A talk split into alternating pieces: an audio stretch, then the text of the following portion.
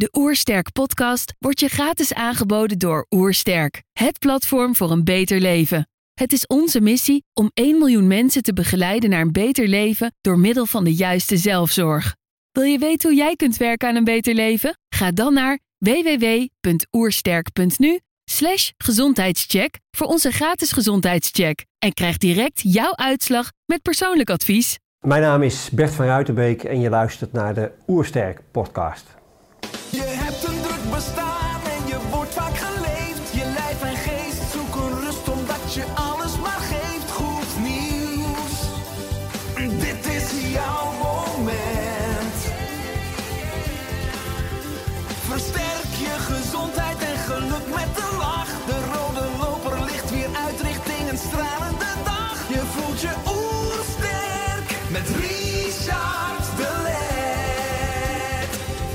Zijn hier in Heemskerk voor een podcast met Bert van Ruitenbeek. Bert is directeur van de stichting Demeter, een kwaliteitskeurmerk voor biodynamische landbouw en voeding. Ik ben benieuwd naar zijn tips voor een beter leven. Trouwens, geniet je van onze podcast? Abonneer je dan en laat een reactie of review achter. Zo help je ons om het gezondheidsvirus te verspreiden. Let's start! De Oersterk Podcast. Een ontdekkingstocht naar een beter leven. Bert, welkom. Dankjewel. Je houdt je bezig met biodynamische landbouw en voeding. En wat is dit precies? Ja, het komt eh, al van een hele tijd eh, terug, eigenlijk uit eh, 1924, uit de antroposofie. Eh, voor sommige mensen een eh, onbekend begrip misschien. Maar eh, Rudolf Steiner was daar de grondlegger van. En die was eigenlijk de jaren daarvoor vooral ook met het thema gezondheid bezig. Maar altijd vanuit een hele integrale visie. Van dat gezondheid is iets is wat, wat samenhangt met een gezonde bodem, met een gezonde omgeving, et cetera. En die heeft in die tijd ook een landbouwcursus gegeven van boeren die in die tijd al ongerust waren over afnemende bodemvruchtbaarheid en het gebruik van, van kunstmest, et cetera. En die landbouwcursus is eigenlijk de basis geweest voor de biologisch dynamische landbouwmethode. Dat is nog ver voordat biologische landbouw eh, echt in opkomst eh, kwam. Waren er toen dus al boeren die zoiets hadden. We moeten het anders gaan doen. Veel meer samenwerken met de natuur in plaats van ja, eigenlijk gaan vertrouwen op allerlei, eh, allerlei chemische eh, middelen. En dat eh, is toen een, uiteindelijk een keurmerk geworden, Demeter, uit 1928. En dat heeft natuurlijk in het begin was dat natuurlijk vrij klein, maar het is dus een heel oud keurmerk. En eh, ja, de laatste jaren is dat eh, ook wel steeds meer in opkomst. In Duitsland is dat echt een, eh, een, groot keurmerk en het is wereldwijd. Dus biologische dynamische landbouw met het keurmerk Demeter is een, is een wereldwijde beweging. Waar we dan in Nederland eigenlijk ja, ook invulling aan geven. Ja, mooi. Je noemt Rudolf Steiner, 1924, dus bijna een eeuw terug. Het is natuurlijk duidelijk, voor ons althans, dat een gezonde aarde samenhangt met de gezondheid van de mens. Hoe precies? Ja, ik, ik denk dat het heel belangrijk is om te beseffen dat gezondheid een ondeelbaar begrip is. Hè. Mensen willen altijd een beetje kijken naar gezondheid. Van nou, dat zijn stofje dit en stofje dat zit er meer in. En als ik dat veel eet, dan zal ik eh, morgen misschien eh, me nog fitter voelen. Maar we kunnen natuurlijk nooit gezond zijn in een giftig systeem. Uiteindelijk is dat allemaal, hangt dat met elkaar samen. En dat begint vooral in die, in die levende bodem. Hè? Dat er miljarden organismen daarin samenwerken. En die zorgen weer voor die voeding voor die plant. Nou, dat is een ongelooflijk ingenieus systeem. En je kunt heel goed begrijpen dat al die bacteriën, al die eencelligen, die daar allemaal hun werk doen, dat als je dat gaat proberen te beïnvloeden met, met kunstmest en met chemische bestrijdingsmiddelen, dat je eigenlijk dat bodemleven dan doodt. En eh, dan kan je nog een heel eind komen. Je kunt op een gegeven moment wel planten laten groeien op, eh, op, op allerlei kunstmatige methodes. Maar die kracht die vanuit die bodem komt, en wij zeggen ook altijd, wij voeden niet de plant, maar wij voeden de bodem, het bodemleven. En de bodemleven die zorgt voor de plant. Ik denk dat het eigenlijk ontzettend logisch is dat dat uiteindelijk voor gezonde producten zorgt. En eh, ja, daar zijn we steeds verder van, eh, van wegbewogen eigenlijk. En eh, de biologisch dynamische landbouw die heeft dat altijd heel sterk in zijn vaandel gedragen. Dat gezond voedsel uit een gezonde, levende bodem komt. En natuurlijk ook uit een gezonde cultuur, uit een omgeving met voldoende biodiversiteit. Dus ook genoeg soortenrijkdom. En ja, dat is dat is natuurlijk ook wel weer iets wat je dan weer moet bewijzen. Hè? En dan gelukkig komen daar natuurlijk ook wel steeds meer aanwijzingen voor. Want je hebt dat, dat bodemleven, dat noem je het microbioom van de bodem. Hè? Je hebt ook het microbioom van de plant. Dat zijn al die miljarden eencelligen die met elkaar samenwerken. Maar wij hebben natuurlijk ook een microbioom. Hè? Al die bacteriën in onze darmen en op onze huid en ons lichaam. Die ontzettend belangrijk zijn uh, voor, ons, voor onze gezondheid. En wat we nu proberen is te laten zien en aan te tonen dat dat microbioom van die bodem, dat dat een samenhang heeft met, met de mens. Het is eigenlijk te gek dat je dat, dat ook nog wetenschappelijk moet zien aan te tonen, want het is gewoon uh, ja, boerenverstand zou je kunnen zeggen. Maar dat is natuurlijk toch wel wat, uh, wat mensen en de wetenschap altijd verlangen. Ja, ja ik vond het een, een geniale zin. Hè? Gezondheid past slecht in een giftig systeem, hè, zeg je. De mens is uit balans, zien we nu ook met uh, het virus. Uh, de aarde is uit balans. Uh, en gezondheid en aarde, bijvoorbeeld bodemdiversiteit, wat je ook noemt, hangen nauw met elkaar samen. Nou, persoonlijk is het mijn missie als mens, als vader, als ondernemer, hè, om de aarde vitaler door te geven aan mijn twee zoons. Maar toch kan ik het niet ontkennen dat ik af en toe ook verdrietig of zorgelijk ben als ik me verdiep bijvoorbeeld laatst ook als ik een webinar volg bij jullie over biodynamische landbouw. Maar als ik dan ook hoor, me bewust word hoeveel pesticiden, hoeveel kunstmest we gebruiken. Hoe we eigenlijk steeds minder oog hebben voor het balans in het bodemleven, in het totale ecosysteem.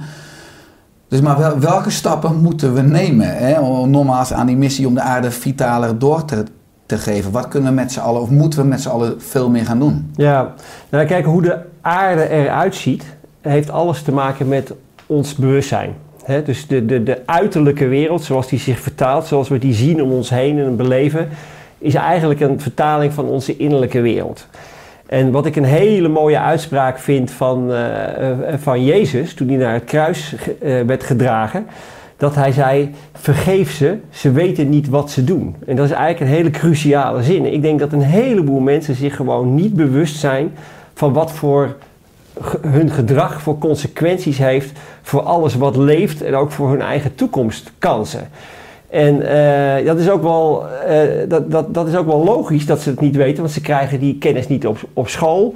En daarna is het eigenlijk een hele leven, wordt hun, uh, hun behoeftes worden eigenlijk gedomineerd door hele slimme mensen die qua marketing allerlei behoeftes aan het aanpraten zijn vanuit een commercieel belang.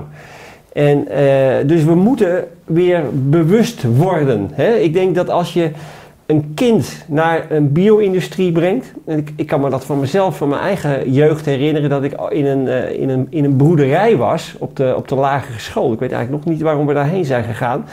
En daar werden die, die, die kuikentjes allemaal, uh, uit, die kwamen dan net uit die eieren. En de niet goede kuikentjes, die werden dan op een hoop gegooid. En die werden daarna. En dan zag je zo'n berg zag je van half rottende, nog half levende kuikentjes. Dat heeft toen zo'n indruk op me gemaakt. Dat ik dacht van, oh, dus zo gaan wij om met, met levende wezens en, uh, en, en met de natuur. En ik denk dat eigenlijk bijna niemand dat, niemand dat wil. Als je nu dus op het moment dat je vlees eet, hè, vleesvee eet uit de bio-industrie, of je eet uh, voedsel van een, uh, van, een, van een teelt waar heel veel keer de gifspuit overheen is geweest. Als mensen daar echt met hun neus bovenop worden gezet, dan willen mensen dat eigenlijk helemaal niet. Maar goed, we zijn allemaal in een anoniem systeem terechtgekomen. En hoe anoniemer, hoe meer het alleen maar over prijs gaat. Dat ligt allemaal keurig verpakt. Vaak ook nog met een groen imago ligt dat in een winkel. En wat daarachter allemaal gebeurt, daar hebben we eigenlijk geen idee van. Nou, ik vind met name de mensen die dat wel weten en kunnen weten en willen en weten ze dat blijven doen om in dat systeem te blijven hangen, die kunnen we wel heel erg veel kwalijk nemen. Ik denk dat er aan de andere kant ontzettend veel mensen echt slachtoffers zijn van dat systeem. En uh, ja, dat noem ik dan een, een, een giftig systeem. En het is natuurlijk hartstikke mooi dat door mensen zoals jij en mensen die die boeken lezen en die trainingen volgen, dat er een steeds grotere groep mensen wel bewust is aan het worden over het belang van gezonde voeding, hè, die ook vanuit levende bodems komt, et cetera, et cetera. Maar uh, ja, dat is natuurlijk toch altijd nog maar een kleine, je kunt ook zeggen, bevoorrechte groep. En het gaat er natuurlijk om dat we iedereen daarin meenemen. Want eigenlijk is dat, ja, ik vind het gewoon een mensenrecht. Dat je gewoon recht hebt op gezonde voeding uit een, uit een gezonde omgeving. Maar op een of andere manier lijken we dat met z'n allen nog niet te begrijpen. En we blijven maar in dat oude economische denken zitten van Nederland tweede exporteur ter wereld. Nou ja, eigenlijk is dat getal, daar is al van alles op aan te merken. Maar je ziet ook dat het niet houdbaar is. Ik bedoel, een megastal in Brabant, wie wil daarnaast wonen? Wie wil daar langs fietsen? Wie wil daar recreëren? Wat is de luchtkwaliteit? Om, en dan is dat dan een systeem waarin dan de soja van de ene kant van de wereld daar komt voor die varkens of die kippen. En dat vlees gaat dan deels ook weer naar de andere kant van de wereld. En dan leeft dan één boer van een immense hoeveelheid eh, eh, dieren. En verder een heel toeleverend systeem van eh, de veevoeder, van de four farmers en alles van, van die wereld die dat systeem maar en, en, en, en de Rabobanken van deze wereld die dat maar aan de gang willen houden, omdat ze allemaal in datzelfde giftige systeem zijn gestapt. Nou, daar moeten we op de een of andere manier uit. Dat gaat ontzettend veel uh, pijn kosten. Dat is niet iets wat vanzelf gaat, want onze hele economie is daarop ingericht. We zullen veel meer geld moeten gaan uitgeven weer aan onze voeding en aan de kwaliteit van leven. Ik denk ook dat het allemaal kan. Ik moet je zeggen dat ik persoonlijk uh, alles wat ik bewuster ben geworden, en ik weet niet hoe jij dat zelf ook ervaart, uh, altijd als een verrijking heb gevonden. Ik heb nooit gedacht, oh dan mag ik dit niet meer en dan kan ik dit. Nou, nou ja, misschien heel af en toe. Ik moet je zeggen dat ik vroeger de, de plakken leverworst uit mijn jeugd van bij de slager, die vond ik eigenlijk fantastisch. En uh, ja, die, die, laat ik voor, voor wat het is. Ik eet nog maar heel beperkt vlees. En als ik vlees eet, eet ik biologisch vlees.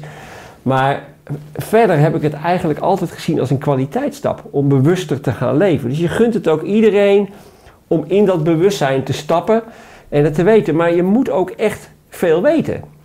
Als je niet, uh, zelfs, zelfs in een natuurvoedingswinkel kun je nog allerlei keuzes maken natuurlijk. En als je geen fundamenteel besef hebt van biologie, ecologie, gezondheid, hè, ja, dan is die verleiding is gewoon te groot. Er is een constante verleiding. En het idiote is dat we helemaal niet tot wetgeving en tot maatregeling komen, omdat er dan altijd wordt gezegd: ja, maar dat is betutteling. Betutteling, terwijl er miljarden euro's over ons worden heen gestort om ons allemaal in die hoek te krijgen van dat bewerkte voedsel, et cetera. En dan zou een klein beetje tegenwicht vanuit een overheid van eet onbewerkt, eet zoveel mogelijk vers, et cetera. Dat zou dan eens betutteling heten. Nou, dat is natuurlijk larikoek. Hmm.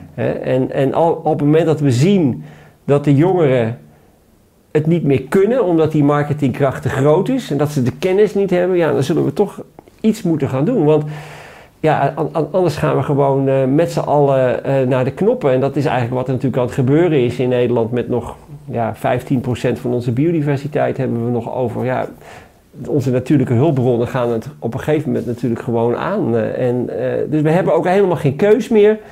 En de grootste factor die dat allemaal bepaalt is het klimaatvraagstuk. Vanuit het klimaatvraagstuk heb je eigenlijk nog maar één keuze en dat is in, elk, in alles wat je doet, moet het gaan over een, een, een stap die de aarde aan kan, die binnen de ecologische draagkracht van de aarde past. En dan kom je vanzelf op een afbouw, een drastische afbouw van de bio-industrie. Dan kom je vanzelf op het opheffen van uh, pesticiden en kunstmest. Want kunstmest wordt met heel veel aardgas geproduceerd. Het is een energie heel ongunstig uh, product.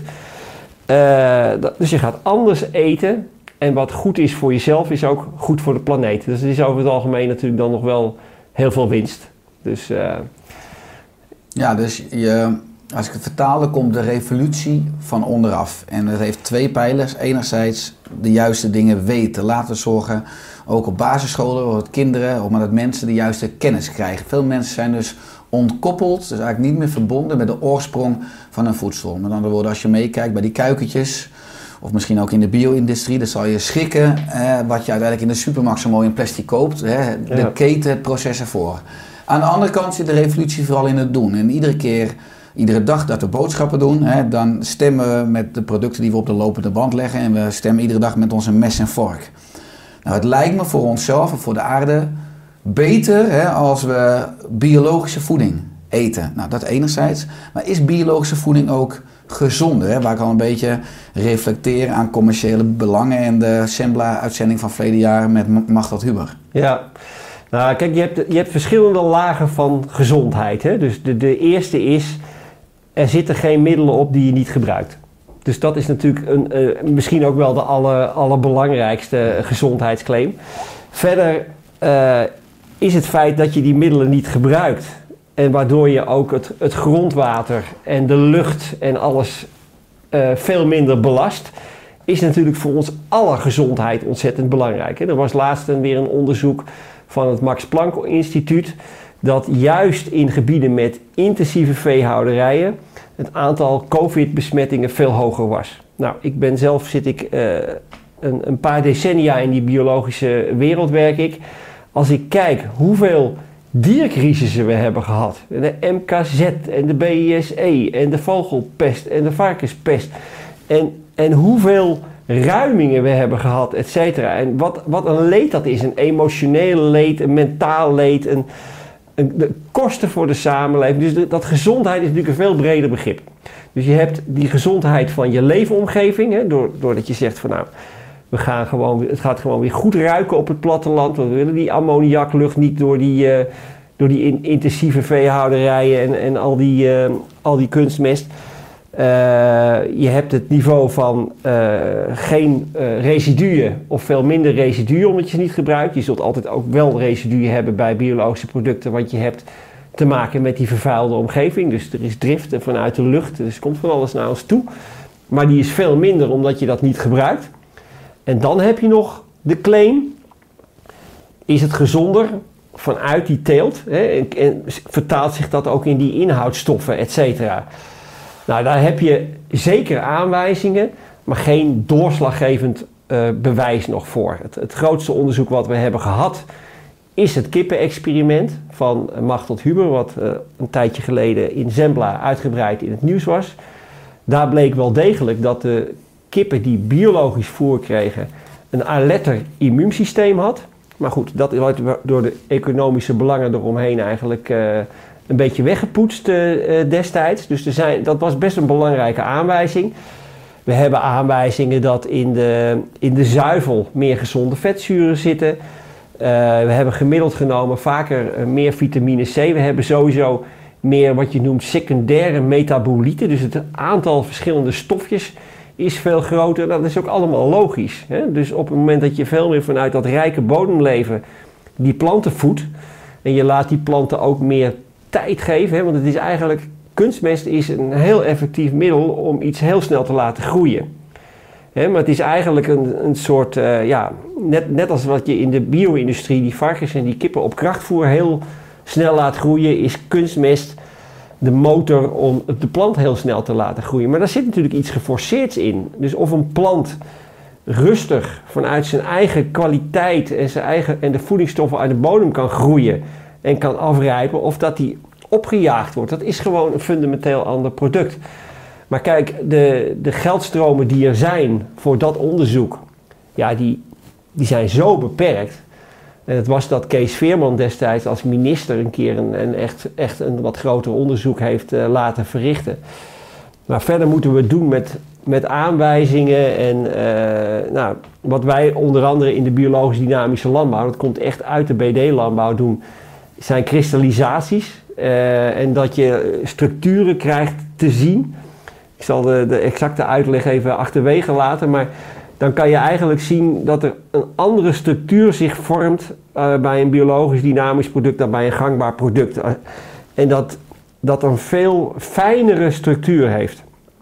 En als je kijkt naar, en dat zal jij als met jouw kennis en achtergrond zeker weten, een, een, een kankercel is een woekerende, onrustige structuur.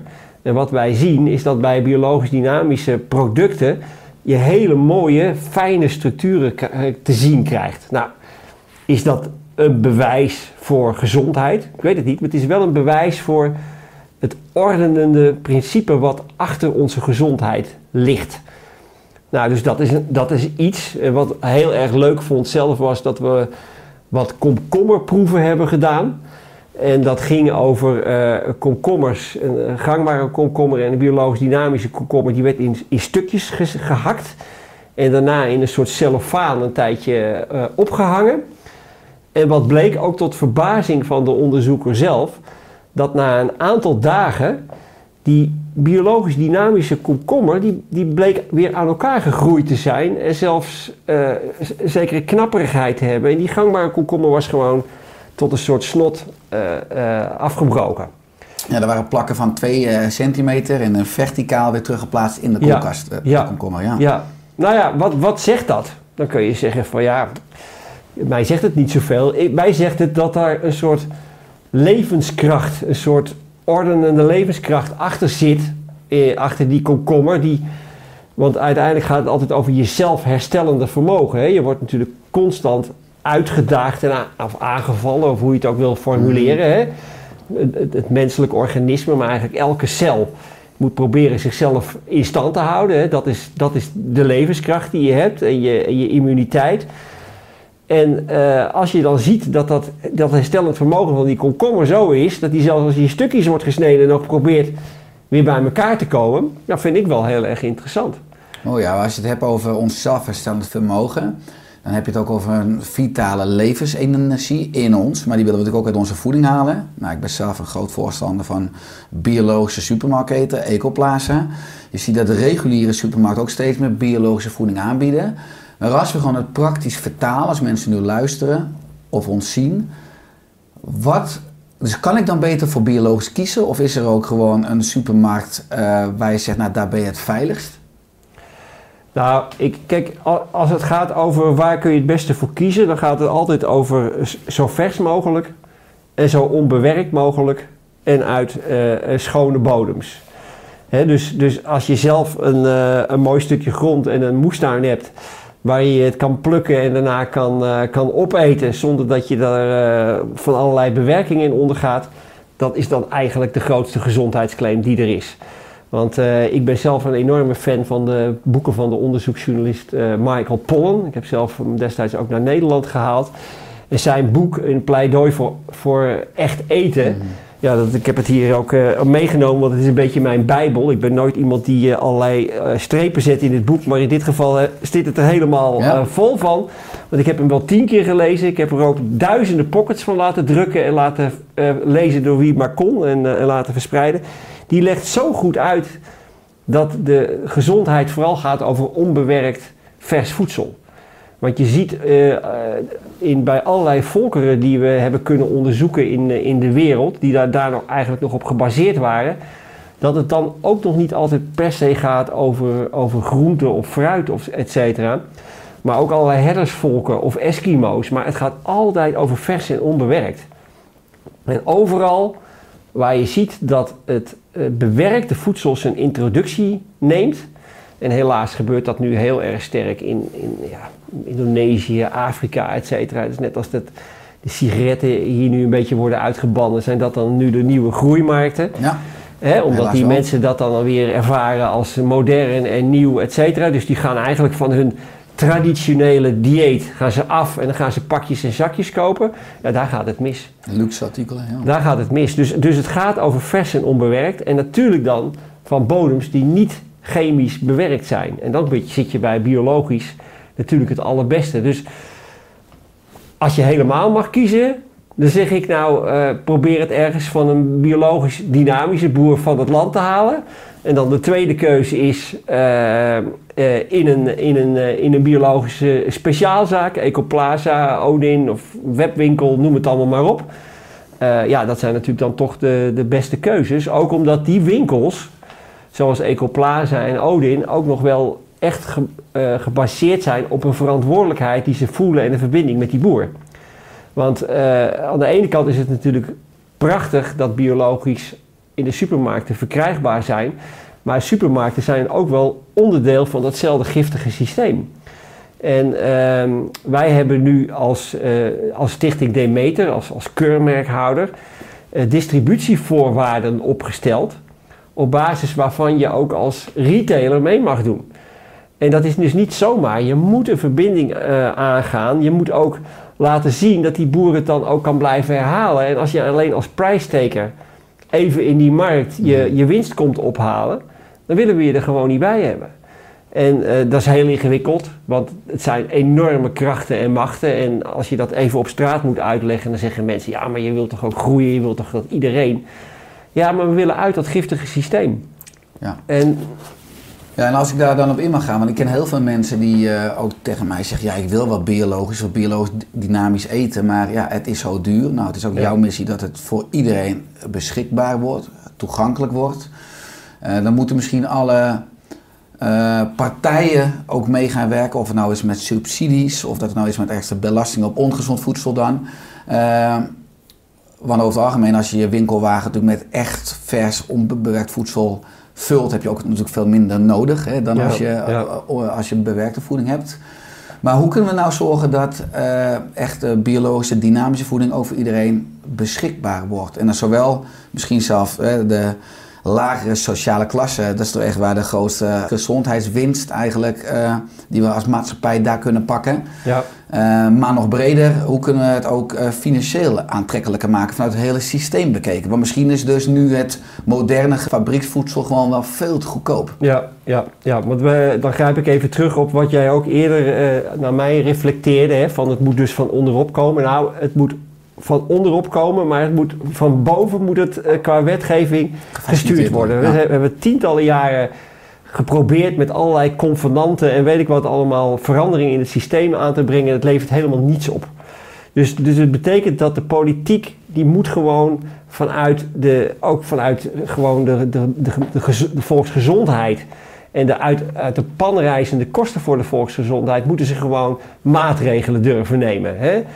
Suikertax, eh, belasting op, eh, op, op dierlijke producten, maar ook eh, zeggen heffingen op, eh, op, op, op kunstmest en chemie. En dat weer terugsluizen naar, naar de dingen die je wel. Het is eigenlijk heel simpel. Je moet de vervuiler aan alle kanten laten betalen. Zorgen dat je energie zet op wat je wil.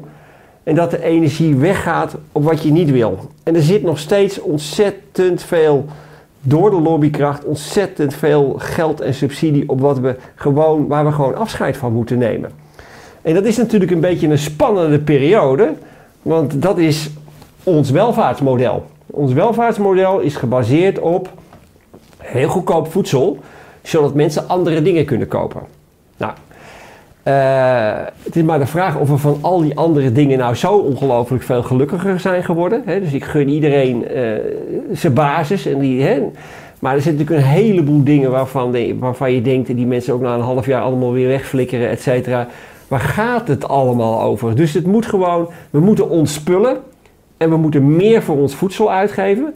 Maar we moeten ook zorgen dat er belasting komt op het niet goede voedsel. Ja, eigenlijk moet je het gewoon helemaal niet meer willen natuurlijk. Je moet het eigenlijk gewoon helemaal niet meer willen aanbieden. En dat is een beetje de tragiek van de, van de Unilevers van deze wereld. Die zitten zelf in een, in een corporate systeem... waarin ze uiteindelijk moeten werken voor de aandeelhouderswinst. en wat maken ze nou eigenlijk? Ze maken voor 90% dingen waar, waar we geen van alle op zitten te wachten. Waarom moeten er 30 soorten zeep of weet ik veel wat allemaal zijn? Gaat allemaal helemaal nergens over. Het is alleen maar marketing. Dus eh, het gaat. Chemie en marketing. Ja. Dus we moeten echt weer naar een, een, een, een, eh, een cultuur die ook voor een groot deel op, op, ook op de landbouw gebaseerd is. En dat lijkt, dat klinkt dan zeggen mensen, ja, maar Ottersier, we gaan niet meer in paard en wagen en weet ik wat allemaal. Nou, je kunt inderdaad zeggen, het zal voor een stukje eh, qua welvaart terug zijn. Dus misschien moeten we een, een flatscreen minder kopen en niet in elke kamer hoeven hangen. Hè? Dus dat, dat je daar wel wat in terug gaat. Maar wat krijg je ervoor terug? Een leefbare omgeving, schoon water, schone lucht, et cetera. En dus we moeten naar een economie, ook naar een decentralere economie. Als je kijkt naar die plaatjes hè, van, van het is zo belangrijk voor onze economie, wordt die decentrale economie nooit meegenomen. Want wat betekent die megastallen in, eh, in, in, in omgevingen? Dat betekent dat het qua recreatie, qua eh, vestigingsbeleid, dat de waarde van huizen, qua gezondheid, dat neemt natuurlijk allemaal hartstikke af. Maar goed, het is, wat, wat ik me nu ook eventjes eh, in mijn herinnering breng, is dat ik heb, voordat ik in de biologische eh, sector werkzaam was, heb ik lang voor UNICEF gewerkt. En ik heb toen meegewerkt aan een wereldwijde campagne, of ik was, eh, moest daar in Nederland invulling aan geven. En dat heette het Baby Friendly Hospital Initiative. En dat ging erover dat in de wereld ongeveer een miljoen baby's per jaar sterven. Tenminste, dat was het getal toen, ik weet het nu niet meer precies. Omdat ze flesvoeding kregen in plaats van borstvoeding. Wat gebeurt er? Kinderen worden in, in ziekenhuis geboren. Ze krijgen daar gratis samples vanuit de industrie. Ze komen thuis. Ze hebben eigenlijk het geld niet om elke keer weer die, die, die, die flesvoeding eh, te kopen. Eh, ze hebben geen schoon water. Ze gaan het aanlengen et. Dus ze worden eerst verleid met blikken met uh, flesvoeding met gezonde uh, westerse baby's erop. Dat vinden ze een aanlokkelijk perspectief. Ze krijgen het voor niks. En dan gaan ze, net als wat wij in het Westen op een gegeven moment zijn gaan doen. Bij ons kwam het uit de emancipatiebeweging. De vrouw moest werken, de, kind kreeg de fles. Dus er is nog een heel ander verhaal achter. Maar gaan ze flesvoeding geven. Uh, terwijl die borstvoeding levensreddend is voor die, voor die baby's. En dat heeft elke moeder in principe beschikbaar. Maar waar vecht je dan tegen? Je vecht tegen een industrie, tegen iets wat preventief en op allerlei manieren gezonder is, maar het heeft geen afzender. Het heeft geen marketeers in dienst, het heeft geen financiële impuls. Nou, dat is natuurlijk eigenlijk diep triest en dat geldt voor de biologische sector natuurlijk minder. Er zit natuurlijk wel een financieel uh, belang achter, maar die is wel heel anders. Want wij zeggen, het geld moet weer bij de boeren zoveel mogelijk worden verdiend en om de boeren en in die omgeving. En wij willen al die inputs niet. Dus dat betekent dat het voor de Rabobank en voor Agrifirm en voor Bayer en voor al die grote bedrijven is dat niet het verdienmodel. Want die moeten alsmaar zoveel mogelijk naar die boer toesluizen dat hij dat maar gebruikt en afhankelijk is van al die producten en middelen. Ja, en dat, die grote instituten die moeten veel kleiner worden. Natuurlijk heeft ook die biologische boer uh, machines nodig en zaden en, eh, en, en, en ook bepaalde middelen, et cetera. Maar dat staat echt niet in, in, in die relatie zoals het er nu staat, waardoor ze gedwongen worden door al die middelen om ook steeds grootschaliger en nog ja, zogenaamd efficiënter. Want het is op termijn natuurlijk helemaal niet efficiënt als je de bodem uitput of het water vervuilt. Want op een gegeven moment heb je niks meer. Maar dat is, dat is het model. Dat wordt alsmaar vanuit die winstgedrevenheid aangestuurd. Dus als je goed voedsel wil hebben, dan gaat het om dat, het, dat er een, een levende landbouwcultuur is bij die boer. En wat ik zo fantastisch mooi vind, zijn initiatieven als bijvoorbeeld herenboeren. Die zeggen van nou, we gaan met een aantal gezinnen gewoon een boerderij financieren en mogelijk maken. En er zijn ook steeds meer voedselcoöperaties. Dus dat is enerzijds zeggen mensen, ja, maar allemaal heel klein, et cetera. Maar ja, aan de andere kant, uh, er zit toch wel een bepaalde dynamiek in. Van mensen die nu het, het, het systeem ook niet meer zo helemaal vertrouwen. Hè? Juist in deze COVID-tijd zijn er ontzettend veel mensen lid geworden, bijvoorbeeld van de Hofwebwinkel. Van allerlei, uh, uh, nou, kan de heren, kunnen de herenboeren het niet aan bijna van hoeveel van dat soort clubs er nu aan het ontstaan zijn. Dus mensen voelen intuïtief wel dat hun zekerheid niet zit in hun geld bij die bank en bij die systemen die eigenlijk uh, ja, een soort uh, olifant op uh, leme voeten. Nee, ik zeg het niet goed. Hoe, hoe is die uitdrukking ook alweer? De, in ieder geval. Ik kan je dit gebied niet aanvullen. Kan je niet helpen mee, maar. Dus die systemen zijn heel groot, maar ook heel erg kwetsbaar. Terwijl uiteindelijk de, de, het robuuste zit in. Heb je voedselzekerheid, omdat er gewoon een boer is, of, hè, of, of dat je dat zelf, of dat je dat kan verbouwen. Uh, die systemen die om ons heen, die gaan ons op een gegeven moment ook gewoon weer laten vallen. Want dat zijn winstsystemen op afstand van mensen die uh, ergens een aandeel voor hebben. Maar eigenlijk zich helemaal niet bekommeren over hoe het dan nou, nou, verder mee gaat. Want die, die springen net zo hard weer naar een ander deel van de wereld. Omdat het op daar, dat moment daar lucratiever is. En dat is ook de tragiek van die boeren. Die boeren die nu protesteren. Uh, ik begrijp hun frustratie wel. Maar als, zoals in de zuivel 80% van jouw product in het buitenland wordt afgezet, ergens op anonieme markten, dan heb je niks over die prijs te vertellen. Dan ben je gewoon een prijstaker. En die kan alleen maar mee in die ja, toch wel vernietigende rooftocht op de aarde om zo goedkoop mogelijk, hè, dus eigenlijk de winst privatiseren, kosten naar de samenleving kieperen. Dat is de enige manier om dat in stand te houden. En wij moeten naar een economie die weer verbonden is. Dus het is op alle niveaus is een gezond systeem een verbonden systeem. Het begint met verbonden met jezelf. Hè? Want, want uh, je vroeg net eventjes, ja, is nou gezonder? Kijk, gezondheid is natuurlijk ook iets heel individueels. Wat voor mij gezond is, is voor jou misschien niet. Als ik, ik misschien dat ik s'morgens uh, het heel goed doe op, op drie gebakken eieren en uh, hè, weet ik wat. Uh, en de andere die heeft dan meteen een, buikpijn van hier tot, hier tot ginder. Dus het, ook dat gevoel, dat moeten we ook weer zien te proberen te ontwikkelen. Van, wat voelt nou eigenlijk goed? Net als dat een koe dat, is, uh, uh, dat is leuk van, van, van biologische boeren. Die hebben soms zelfs nog een apart, ze hebben sowieso meer kruiden in hun weiland. Maar soms hebben ze ook nog een apart kruidenweitje. En als die koe zich niet lekker voelt, gaat hij dat weitje in. Die weet precies wat hij moet eten.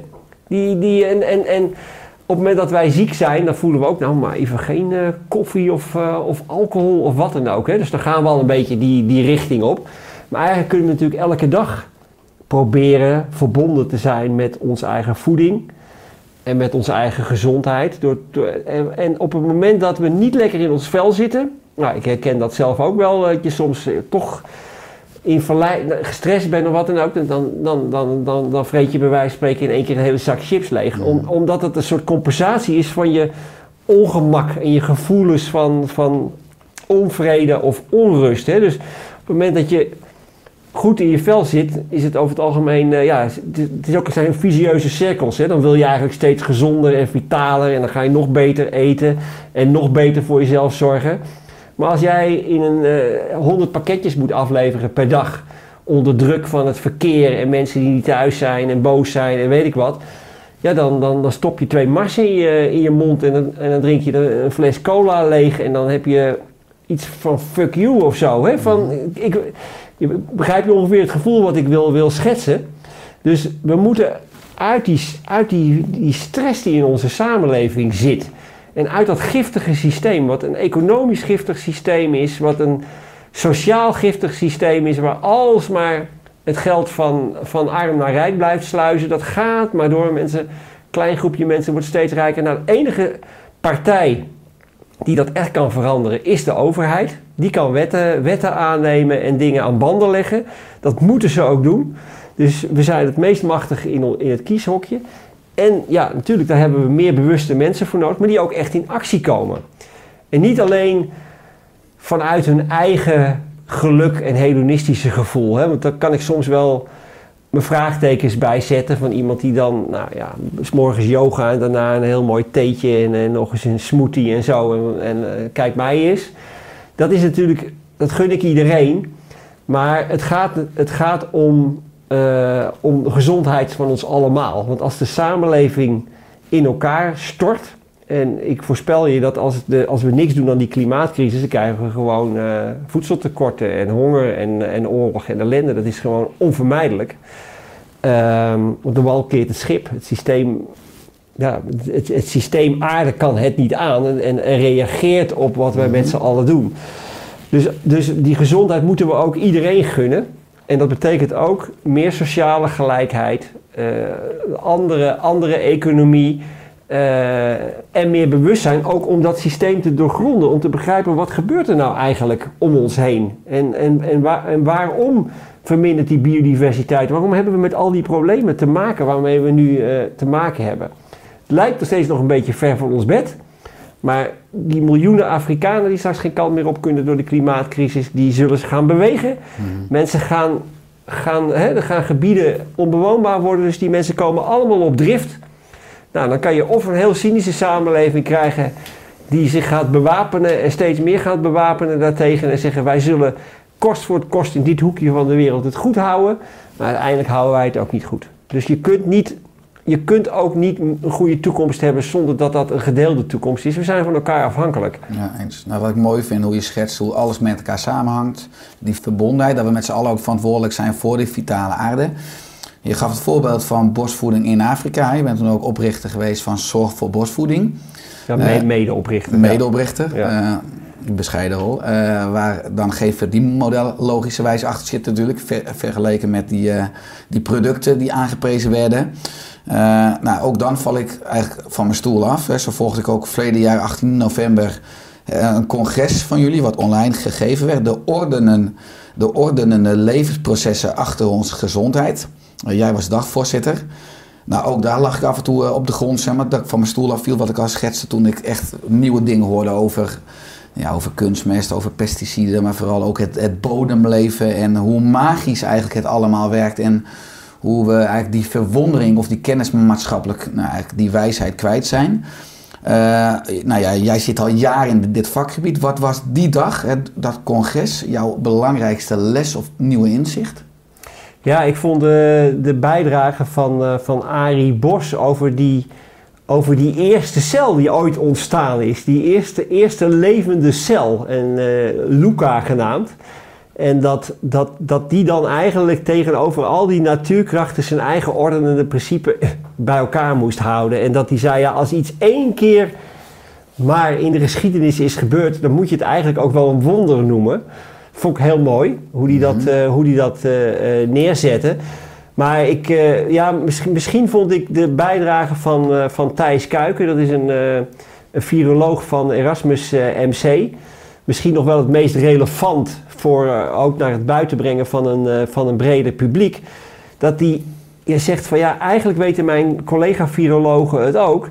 Die intensieve veehouderij is gewoon de oorzaak van, eh, van die pandemieën. Hè? Dus, dus, dus als we daarmee doorgaan, dan is het eigenlijk een tikkende tijdbom. Nou, we hebben net de pelsdieren gedag gezegd in, in Nederland met heel veel financiële compensatie en discussie. Maar goed, gelukkig is dat dan, eh, dan afgerond. Maar dat die mensen in Brabant niet harder in opstand komen nadat ze met die Q-koorts eh, te maken hebben gehad tegen die, tegen die intensieve varkenshouderijen en die pluimvee. Dat je nu weer ziet dat er weer een relatie is met die slechte luchtkwaliteit en aantal COVID-slachtoffers, et cetera. Het houdt maar niet op. En dat hij zo duidelijk schetst van ja, wij als virologen zijn eigenlijk getraind en opgeleid om dit systeem in de benen te houden, maar uiteindelijk is het gewoon niet volhoudbaar. Als je te veel dieren bovenop elkaar zet, eh, dan krijg je een druk van mest en luchtkwaliteit, waardoor je gewoon kan wachten op dat er allerlei eh, eh, virussen virulent worden. Hè? Dus die, die hele hoogpathogene vogelgriep, voor mensen die dit soort discussies Mhm. volgen, hè, waar je nu de wilde vogels hier en daar ziek uit de lucht vallen. Ja. Zij, hij geeft gewoon aan, die bestond vroeger helemaal niet. Dat is ontstaan doordat zo'n virus, dat was vroeger laag pathogeen, dus er was wel een virus, maar dat was, daar gingen een aantal dieren misschien ook wel aan dood, maar de meeste die kwamen daar gewoon overheen. Maar nu is het een, een, een, een agressiever virus geworden. Dat wordt agressiever in die hele dichtbevolkte stallen. Dus ja, daar moeten we gewoon van af. Hoeveel mensen zijn daar nou financieel in Nederland, worden daar nou nog wijzer van dat we dat in de benen houden. En toch, elke keer blijkt het dan, ondanks al die protesten, dat er weer meer megastallen zijn. En dat we nog die honderden miljoenen dieren hebben die we echt door de gehaktmolen gaan elk jaar in, eh, in Nederland. Ik ben helemaal niet tegen, dieren, eh, tegen landbouwdieren. Hè. De biologisch dynam- dynamische landbouw is het gemengde bedrijf het ideale beeld. Hè. We willen ook dieren voor de verzorging van de bodemvruchtbaarheid en voor mest. Maar je moet respectvol omgaan met die dieren. En, eh, en ze niet eh, letterlijk uitmelken en opfokken en in van die grote getallen. Dus je kunt heel anders naar een veel weerbaardere eh, veestapel toe. En dan zal er ook ongetwijfeld ook af en toe wel een crisis zijn, maar die is ook meteen beheersbaar. Kijk, op het moment dat we nu een, we hebben dat gezien met MKZ en vogelgriep. Als wij in de, op de Veluwe een probleem hebben, ja, dan, dan moet je eigenlijk, dan zet je heel Nederland meteen vast als je wil dat zich dat niet verder verspreidt. In Frankrijk kunnen ze nog een provinciaal eh, weg afsluiten. En dan heb je een afstand van 30 of 40 kilometer tot zo'n bedrijf. Maar in een zo'n dichtbevolkte gebied als Nederland, om dan honderden miljoenen dieren te gaan houden dicht op elkaar. Ja, dat is gewoon vragen om problemen. En het stopt maar niet. Ik vind dat echt ongelooflijk dat daar politiek in al die jaren geen doorbraak in, eh, in is bereikt. En, en natuurlijk, die boeren zitten deels in een giftig systeem. Die zijn ook die, hebben, die zien ook eigenlijk niet meer met, met, kunnen eigenlijk niet meer zelf zien waar ze in terecht zijn gekomen. Omdat ze stapje voor stapje daar steeds verder in en zeggen ze, ja, ik, ik zorg toch goed voor mijn dieren, et cetera, et cetera. En op hun manier denk ik dat ze dat ook wel willen en ook nog wel eh, zo doen. Maar als je, als je kijkt naar de schaal waarin die beesten elke dag in Nederland naar de slacht worden gebracht, hoe ze opgefokt worden. Ja, ik zie dat ook als, als, een, als een emancipatie iets hoor, dat mensen steeds meer inzien dat we ons niet op die manier boven de natuur kunnen plaatsen. Hè? Dus dat, er komt ook steeds meer onderzoek dat dieren over pijn en bewustzijn bij dieren. En dat wij, hè, dat wij eigenlijk helemaal niet ver afstaan van die dieren. We hebben ons daar een soort toren hoog boven geplaatst. Maar wij moeten ons als onderdeel van die natuur gaan zien. Als één van de soorten. En niet als de alleroverheersende soort die alles maar kan gebruiken wat hij gebruikt. We moeten ook gunnen dat er voor ander leven op aarde ruimte is. En uiteindelijk is dat ook onze eigen overlevingskans. Eens, we moeten meer onze plek weten. En alles begint dan ook weer met bewustzijn. Je noemt net een stukje mest en invloed daarvan op de bodemvruchtbaarheid. Je noemde eerder al dat het niet goed gaat met de bodemdiversiteit. Je noemde 15%. Als mensen nou luisteren of kijken en zeggen... ja, ik heb een achtertuin of ik heb een balkon en ik heb ook wat plantenbakken. Wat kun je nou praktisch doen om je bodemdiversiteit op je balkon... of in je achtertuin of in je moestuin te versterken? Ja, nou heel veel. Het grappige is dat ik, eh, wij zelf onze tuin... eh, we hadden ons huis verbouwd, onze tuin stond op zijn kop. Dus we hadden onze tuin opnieuw ingericht. En mijn vrouw zei van, ah, ik wil eigenlijk dat er altijd iets bloeit. Hè? En eh, we hebben helemaal geen grote tuin. ja, 6 meter breed en nou, 8 meter diep of zo. Er zit nog een schuurtje tussen, dus het is helemaal niet zo groot. Maar we hebben zoveel mogelijk planten gedaan. En als ik kijk hoeveel bijen en, en, en, en hommels en weet ik wat, wij toch dat kleine stukje het hele jaar door hebben, doordat we altijd iets hebben bloeien, dat is gewoon onvoorstelbaar. Dus dat is wel weer iets hoopvols, dat je de biodiversiteit ook wel weer, op ook wel weer snel kan, kan, kan herstellen. Hè? Dat er ook wel iets terugkomt. Maar dan moeten we natuurlijk niet overal alles gaan betegelen wat we jaren zijn gaan doen. Hè? Tuincentra werden een soort tegelverkopers. En eh, in plaats van plantenverkopers, we moeten biologisch plantgoed willen hebben. Dus geen plantgoed wat ook weer met die kunstmest en die chemie eh, is, is opgegroeid. Nou, en als we dan gewoon zorgen dat we zoveel mogelijk eh, bloeiende planten in onze tuin hebben. Dat is een heel leuk gezicht. Ja. Is he- ik, ik, is helemaal niet veel, veel onderhoud. Op een gegeven moment zie je gewoon welke planten het goed doen. En dat, dat systeem dat houdt zichzelf in stand. En je krijgt er van alles van terug. Vogels, bijen, vlinders. Het is ontzettend leuk om te zien. Het leeft. En tegels die leven niet. En dan gaan mensen zelfs het onkruid nog met glyfosaat of hoge drugspuiten proberen weg te krijgen. En denk ik van, je bent je eigen grafzerk aan het organiseren. Het is gewoon dood. En heb je het dan ook over biologische tuinaarden of biologische zaden die je dus bij het lokale tuincentrum kan kopen? Ja, dan moeten mensen even, even, even googlen. Maar hoe hebben jullie dat met de tuin gedaan? Laat ik het zo zeggen. Eh, hoe, eh, Ja, wij hadden een. eh, wij, wij, hebben, wij hebben de luxe gehad dat we een, iemand hadden ingeschakeld die je kende en die groene handen had. En, en het ook vanuit de groene, groene wereld. ja. Ja, wat ik hoor in je verhaal is dat we nou, gewoon met z'n allen veel bewuster moeten worden. Want vanuit de juiste kennis kunnen we betere acties, kunnen we uiteindelijk veel beter gaan zorgen voor deze fantastische aarde.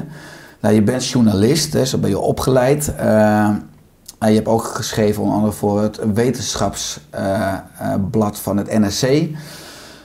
Toch, als ik dan hoog over ga, waarom besteedt de media zo weinig aandacht bijvoorbeeld aan misstanden aan het voedselsysteem, maar gewoon praktisch hoe we de aarde met z'n allen vitaler kunnen maken? En dan misschien nog wel een vraag erbuiten, wat is de rol of de verantwoordelijkheid van de media daarin? Nou, ik denk heel erg groot. Ik denk dat de media, en en dat neem ik zelfs ook, eh, ook, ook eh, kranten als de Volkskrant en zo heel erg kwalijk, die hebben ook het klimaatprobleem eigenlijk heel lang eh, ja, toch onderschat. Wat ze hebben gedaan is altijd, we moeten een, het, geluid van de wetenschap en we moeten een tegengeluid. Nou, inmiddels is 99% van de wetenschappers die zegt klimaatverandering is een, een door mensen veroorzaakt probleem. En eh, die zijn het grosso modo eens over hoe het in elkaar zit en hoe de modellen in elkaar zitten. En als je dan altijd ten opzichte van die 98 of 99 procent die ene andere zet en je geeft die precies evenveel ruimte, dan denken mensen, ach, is voor alles nog wel wat te zeggen. Ja, dat is gewoon de re- realiteit niet. Maar dat is een beetje hoe de journalistiek werkt. En de journalistiek moet het natuurlijk ook een beetje hebben van spannende tegengeluiden. Dus die worden De natuurlijk toch polarisatie. ja, die worden toch relatief eh, eh, eh, veel gehoord. Ik, ik vind nu wel dat er wel veel meer over geschreven wordt. Maar ik, wat ik, wat ik onlangs las in een boek van... dat is een heel interessant boek van Joanna Macy over actieve hoop. Die zei wat er eigenlijk gebeurt is... En dat, en dat, en dat schetste een aanleiding van een sociaal experiment. En dat experiment was als volgt. Je zet één iemand in een ruimte aan een tafeltje... en je zegt je moet deze vragen allemaal gaan beantwoorden... En ondertussen laat je allemaal rook die kamer binnenkomen. Die persoon die denkt dan op een gegeven moment, oeh, rook, die, die- dit is niet goed. Ik sta op en die gaat weg. Ja. Want ik, hier moet ik niet wezen. Zet in diezelfde ruimte acht mensen met precies dezelfde vraag. En dan kijken ze een beetje, oh die blijft ook zitten en die zit er ook nog. Blijven ze zitten. Ze blijven in ieder geval veel langer zitten. Omdat mensen dus iets hebben van nou, het zal misschien allemaal wel meevallen. En dat geldt ook voor ons gedrag. Hè? Dus de meeste van ons denken toch van, nou ja, weet je, alles rijdt nog en vliegt nog en we doen nog. Dus misschien valt het ook allemaal wel een beetje mee. Of vinden we nog wel een, eh, een muizengaatje. Een, eh, op. Dat is een beetje dat we eigenlijk het, de, de ernst van met name de klimaat, het klimaatwetenschappers die het van de daken afschreeuwen hoe, eh, wat er op ons afkomt als we niet echt nu handelen is dat mensen denken van het zal zo'n vaart niet lopen en mijn buurman dus... En je wil ook geen gekke Henkie zijn en hij is ook nog vuurwerk aan het afsteken en aan het barbecuen, dus misschien kan het allemaal ook nog wel. Dat is, dus we zijn het ons vagelijk bewust aan het worden. Het is natuurlijk wel zo dat de meerderheid van de Nederlandse bevolking, als je ze nu interviewt, klimaatverandering als een serieuze bedreiging ziet. Hè, dus het neemt wel heel erg toe. Maar ja, het probleem is ook zo groot dat we ja, volgens de klimaatwetenschap nog zo'n tien jaar hebben om echt een hele grote omschakeling te maken. Hè? Dus ja, wat is nou tien jaar? Dat is, ja, kun je daarop hopen? We moeten erop hopen. En mijn hoop zit ook heel erg op de jongeren die de straat op gaan. Is van Extinction Rebellion. En ik zal zelf ook kijken dat ik meer de straat op ga en dat ga steunen. Want die beweging moet gewoon massaal worden. Mhm. Nou, als, je, als je het hebt over de mensen, de leiders, hè, dan hebben we de leiders van Nederland, de leiders van Europa, de leiders van de wereld. Eh, omdat die ook zoveel macht hebben, zou die veel meer morele of universele verantwoordelijkheid moeten hebben of moeten krijgen. Misschien moet ze ook juist wel scholing krijgen over ecologie, over biologie, voordat ze die post eh, mogen betreden. Hè. Dat ze uiteindelijk een soort hoeder worden van een vitale aarde, waar het nu natuurlijk heel erg gaat om economie, om, eh, om lobbycratie. Hè. Die tentakels van Ja. de lobbycratie zitten overal. Word je soms wel eens... eh, ja, dat je enorm negatief wordt, dat je jezelf afvraagt, is de wereld toch wel te redden? Nogmaals, Ja. het beeld wat je schetst is niet heel hoopvol.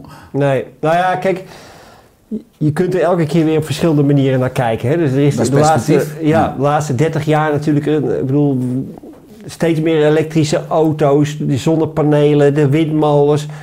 Er is een transitie gaande. Hè? Dat, dat is onmiskenbaar. Steeds meer mensen die zich ervan bewust worden, et cetera. Tegelijkertijd zitten we wel op een soort kruispunt of we het gewoon nog, nog net gaan, eh, gaan redden.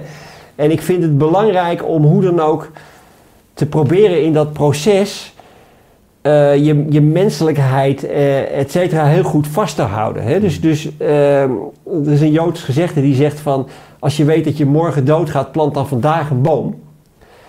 Eh, plant dus sowieso toch gewoon die boom.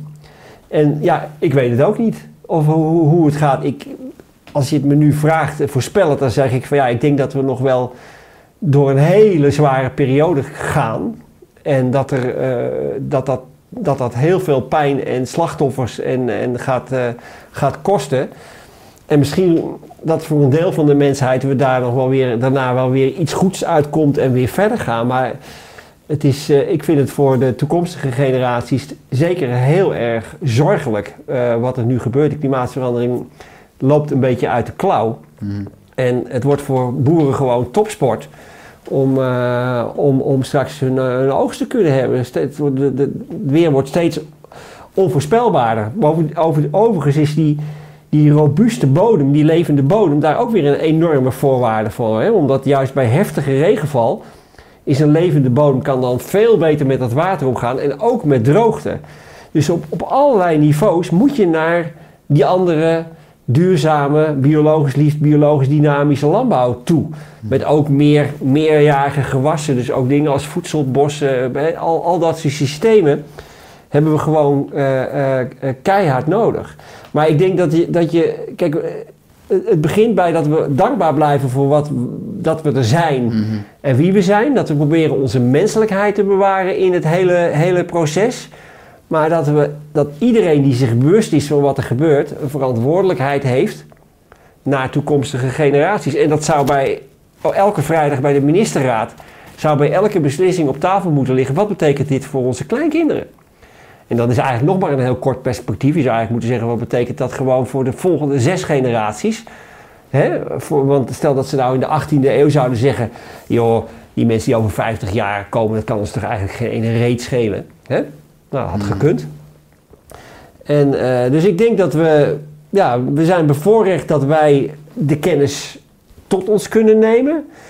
Eh, het is nog steeds een hele leuke tijd in een heleboel opzichten om te leven. Ik bedoel, we, we, hebben, een, we, we hebben allerlei mogelijkheden, et cetera. Maar ik denk dat de- mijn boodschap zou zijn, ook in de, in de hoop, laten we echt niet denken dat we er ons technologisch uitrommelen. Hè? Want dan krijg je al die mensen die zeggen, we gaan straks naar Mars. Ja, wat kan mij nou schelen of 100 mensen zich in de toekomst op Mars redden? Dat, wat heeft dat nou voor betekenis? We- Laten we eens kijken of we het in de woestijn kunnen uithouden of vruchtbaar kunnen maken. In plaats van dat we nog meer brandstof gaan verstoken om ons, om daar onze energie op te zetten. We hebben één planeet met z'n allen. En iedereen die daarop leeft, heeft een bepaalde verantwoordelijkheid naar elkaar en naar die samenleving om te kijken of je het, het goede kan doen. Druk te zetten op het systeem. In actie te komen als je weet hoe het zit. En soms is dat natuurlijk heel erg moeilijk. Vraagt ook pijnlijke keuzes. Maar je kan elke dag iets doen. Ja, nou, ik hoorde je zeggen, ga bij een crisis naar binnen. Hè, dan heb je het over slow food, slow living. Eh, leef je ook zo zelf en hoe zorg jij voor balans in jouw leven met al je activiteiten? Ja, nou ja, ik, eh, ik doe mijn best. Eh, in de zin dat, dat eh, ik, ja, vliegen doe ik eigenlijk eh, niet meer. En eh, ik, ik sluit niet uit dat ik nog ooit een vliegtuig instap, maar ik, ik, heb daar echt, ik heb daar echt een beetje afscheid van genomen. Dus als we ergens naartoe gaan, dan doen we met de trein. Fietsen, boodschappen, fietsen doe ik alles. Ik koop alles biologisch, biologisch, dynamisch in speciaalzaken. Ehm, dus ja, het enige is, ik heb nog een, eh, een, een benzineauto. En eh, ik, ik heb eerst een, een hybride gehad, maar die was toen heel erg klein. En toen heb ik met elke, elke keer naar hockey of weet ik wat brengen. En ik kon niks met die auto. heb ik toch nog een keer een benzineauto gekocht. je hebt twee kinderen? Twee dochters. Ja, twee Ja, dochters, die zijn ja. inmiddels uit huis uit. Eén studeert overigens milieuwetenschappen. Ze zijn allebei vegetarisch, de één vegan. Dus eh, bewuste kinderen wel. Ehm, dus ja, ik ben nu aan het denken of een deelauto of nog zelf een elektrische auto. Maar dat, dat, dat, die, moet er ook nog uit. Dus ik, eh, ik ben zeker niet 100% eh, eh, brandschoon. En ik denk ook dat, dat het belangrijk is dat we elkaar daar ook niet telkens alleen maar de maat in laten, de maat innemen. Ik, doe, ik eet bijna geen vlees, dus ik doe het op allerlei fronten. Ik heb mijn huis helemaal geïsoleerd. Ik heb een warmtepomp, dus ik doe echt wel veel. Ehm, eh, bankier bij de Triodosbank, nou noem het allemaal maar op. Dus ik probeer wel heel veel bewuste keuzes te Fantastische maken. bank zitten wij ook uiteraard. Ja. Ja, maar ehm, het is net als dat mensen die vroeger zeiden van ja, ik ben vegetariër, ja, maar je hebt wel leren schoenen aan. Dat- zo moeten we het niet doen. We moeten, we moeten echt kijken dat we iedereen in elke stap die die zet ondersteunen. Anders gaan we er niet komen en we zitten allemaal in dat giftige systeem. En dus, dus we moeten elkaar ook helpen. Eh, kracht ontwikkelen met elkaar om, om, om een beweging naar gezonde voeding, leefbare aarde. En het hangt gelukkig allemaal samen. Hè? Die gezonde voeding en die leefbare aarde, dat, is echt dat zijn geen twee verschillende dingen. Je kunt, eh, je kunt alleen gezond eten uit die, leven, uit die gezonde bodem. Dus het, het, het, het is, het is één ondeelbaar begrip. Ja, eens. Wat is je, je missie of je droom voor aankomende jaren? En zou je minister van Duurzaamheid willen worden als Mark Rutte het zou vragen? Eh, nou, nee, ik, daar voel ik mezelf niet, eh, niet, niet, eh, niet meer geschikt voor. Dat had ik dat 10, 20 jaar geleden moeten doen. Dus ik vind dat dat ook meer nog aan weer wat jongere mensen is. Joe Biden is ook, wat is ja, 78 hè, ja, in maar Amerika. ja, dus- kijk, ik, ik, ik ben blij dat het Joe Biden is geworden, maar ik, ik, ik hoop niet dat we daar zulke oude ministers gaan Mhm. in, in Nederland. Ik vind dat je in de kracht van je leven moet zitten.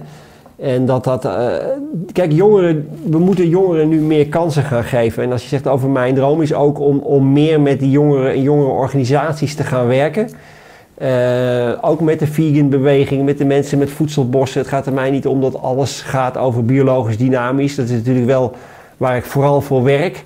Maar het gaat mij over om samen te werken met waardegedreven groepen. Dus iedereen die het, het goede wil met, met de aarde, met zijn omgeving. En de meeste mensen willen het goede. De meeste mensen deugen. Dat, dat geweldige boek wat, eh, wat velen van ons gelezen hebben. Om te kijken hoe je daar... Ja, om, om, om dat veel meer samen aan te gaan. En ik vind het ook fantastisch wat Jan Terlouw op zijn oude dag daar, daarin doet. Die zit nu in de raad van, eh, van toezicht of aanbeveling van Extinction Rebellion.